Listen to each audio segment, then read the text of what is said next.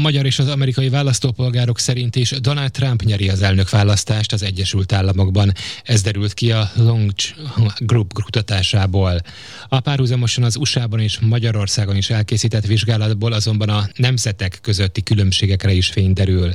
A részletekről Varga Mónika kérdezte Szabó Zsófiát, a cég kutatási divízió vezetőjét. Érdekes, hogy mind Magyarországon, mind az Egyesült Államokban a politikailag aktív lakosság 40%-a arra számít, hogy Trump nyeri az elnökválasztást. Annak ellenére, hogy egy nagyon erősen globalizált világban élünk, ahol ugye sok esetben azonos hatások érnek minket, vagy mondjuk azonos médiafelületeket követünk, esetleg azonos problémákkal kell szembesülnünk, ugye gondolok itt például a vírushelyzetre, és így ugye a, a politikai kommunikáció eszközei és témái is univerzálódnak.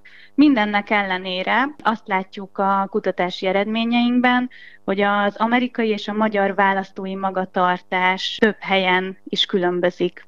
Említette, hogy a magyar és az amerikai szavazópolgárokat is hasonló problémák foglalkoztatják. Ez nyilván az amerikai elnökválasztásban is megjelenik. Mik ezek a problémák? Mondhatjuk, hogy leginkább a vírus és a gazdasági hatásai miatt aggódnak most az emberek? Ezt egyértelműen állíthatjuk, viszont a vírushelyzetnek a felfogása azért némiképp árnyalt a két nemzet vonatkozásában, Gondolok itt arra, hogy az amerikai választópolgárok inkább a gazdaságot, míg mi magyarok inkább az egészségünket véltjük.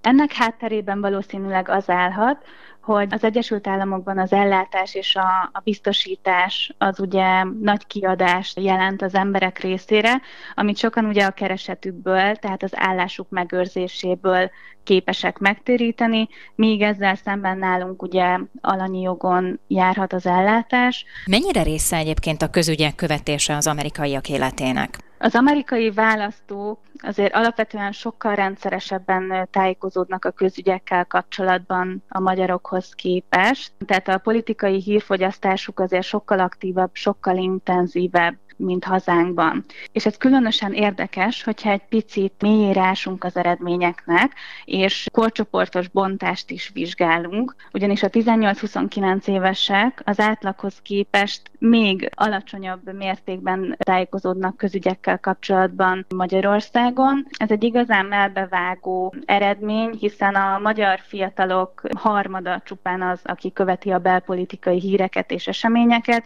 míg ezzel szemben az amerikai fiatalok 70%-a az, aki rendszeresen követi a közéleti történéseket. Itt szocializációs különbségek is megmutatkoznak? Tehát azért követik többen a politikát az Egyesült Államokban, mert ez már egészen kiskorban az életük része? Azt gondolom, hogy mindenképp befolyásoló lehet az első politikai élmény, tehát hogy az, hogy hol találkozunk először közügyekkel. Ebben egyébként osztozik a két nemzet, hogy a legerősebb ilyen szintér az maga a családi szintér, viszont a két ország között azért van némiképp különbség, hiszen a családot Amerikában nagyon szorosan követi az iskola, míg ezzel szemben nálunk ez inkább a munkahelyi szintére tevődik át. Tehát az Egyesült Államokban az iskolában is szó van közügyekről, politikáról. Így van, igen. Tehát, hogy sok egyén életében az első politikai élmény az az iskolában jön létre, míg Magyarországon ez nem az iskolában, hanem a munkahelyen történik, de ez inkább ugye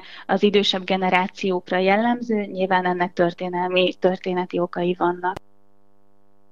Szabó Zsófiát a Lunch Group kutatási divízió vezetőjét hallották.